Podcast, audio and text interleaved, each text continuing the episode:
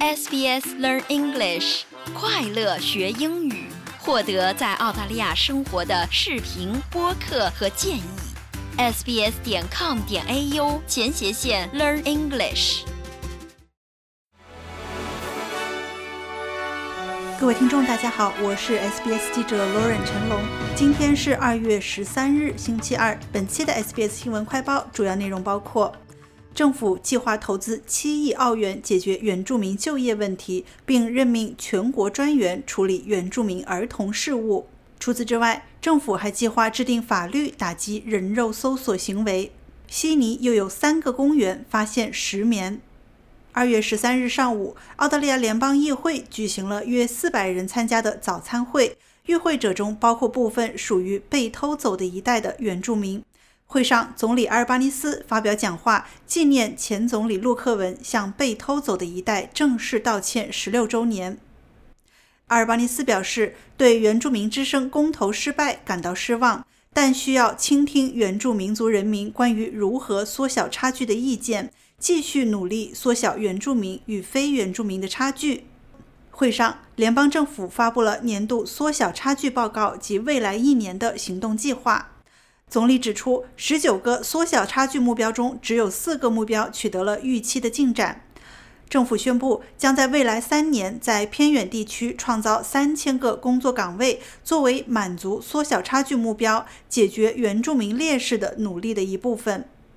当局将投资七点零七亿澳元，用于创造由社区决定的各个领域的工作岗位，例如旅游业。园艺业、零售业和社区服务业，以实现增加原住民就业的目标。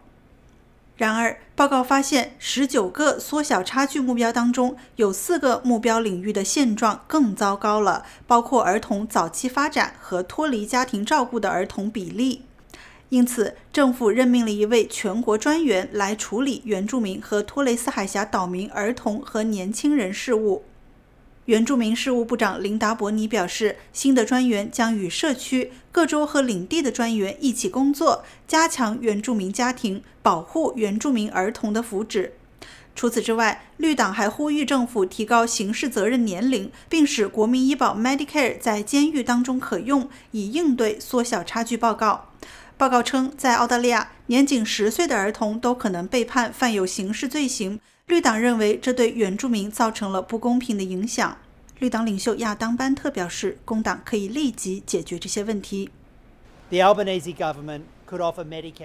阿尔巴尼斯政府可以在监狱提供国民医保 Medicare。可悲的是，在这个国家的监狱当中，有太多被监禁的人是原住民。我们一直在讨论提高刑事责任年龄的问题。这个问题在这个国家已经讨论了二十多年，但是相关立法在哪里呢？阿尔巴尼斯政府要利用议会中的进步多数派，真正开始缩小差距。另一方面，联邦政府正在计划制定新的法律，将人肉搜索 （doxing） 这一行为定为刑事犯罪，以保护人们的隐私并抵制仇恨言论。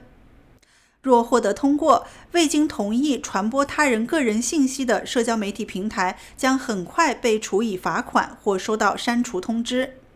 阿尔巴尼斯表示，这项法律将针对在网上公开披露个人信息的侵犯行为。这种行为通常被用作对某人的报复。这项承诺是在支持巴勒斯坦的活动人士在网络公布了数百名犹太人的姓名、照片、社交媒体等个人信息之后所做出的。政府的网络安全监察机构将人肉搜索定义为未经个人同意、故意在网上曝光其身份、私人信息或个人详细资料的行为。据悉，总检察长马克·德雷福斯正在探讨该法律。绿党参议员舒布里奇则认为，该法案应该是全面的。值得注意的是，揭露个人隐私的问题，特别是如果你与全国各地的年轻人交谈过，这是一个重大的问题。到目前为止，在政府的隐私法律改革中，没有任何部分涉及到。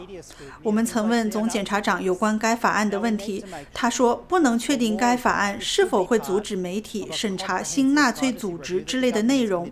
现在我们需要确保法律是正确的，它应该是。政府今年承诺出台的全面隐私审查的一部分。另一方面，悉尼市区又有三个公园被发现存在危险的石棉。与此同时，悉尼西南部的一所小学今天仍然关闭，当局正在清除受石棉污染的园艺覆盖物，导致学生不得不在家学习。继今年一月份在悉尼内西区的罗泽尔公园发现石棉后，新州多地，包括学校、医院。火车站和公园等公共场所发现了园艺覆盖物当中含有石棉，在检测确认覆盖物含有石棉后，悉尼市中心及周边地区的另外三个公园已拉上警戒线或暂时关闭了。新州州长科明斯对城市周边最近发现石棉一事表示谴责，并提出了安全方面的担忧。Clearly, this is completely unacceptable, and the government is currently investigating. 显然，这是完全不可接受的。政府目前正在安排未来几周将采取的一些行动。首先是提高对违规企业处以的罚款，州内阁将在未来几周内对此进行研究。其次，执行环保局针对涉事公司下达的命令。最后，特别针对悉尼中央商务区的污染源采取行动。感谢收听本期的 SBS 新闻快报，在任何的播客平台订阅 SBS 新闻快报，开启消息提醒，即可随时了解澳洲国内外新闻及社区资讯。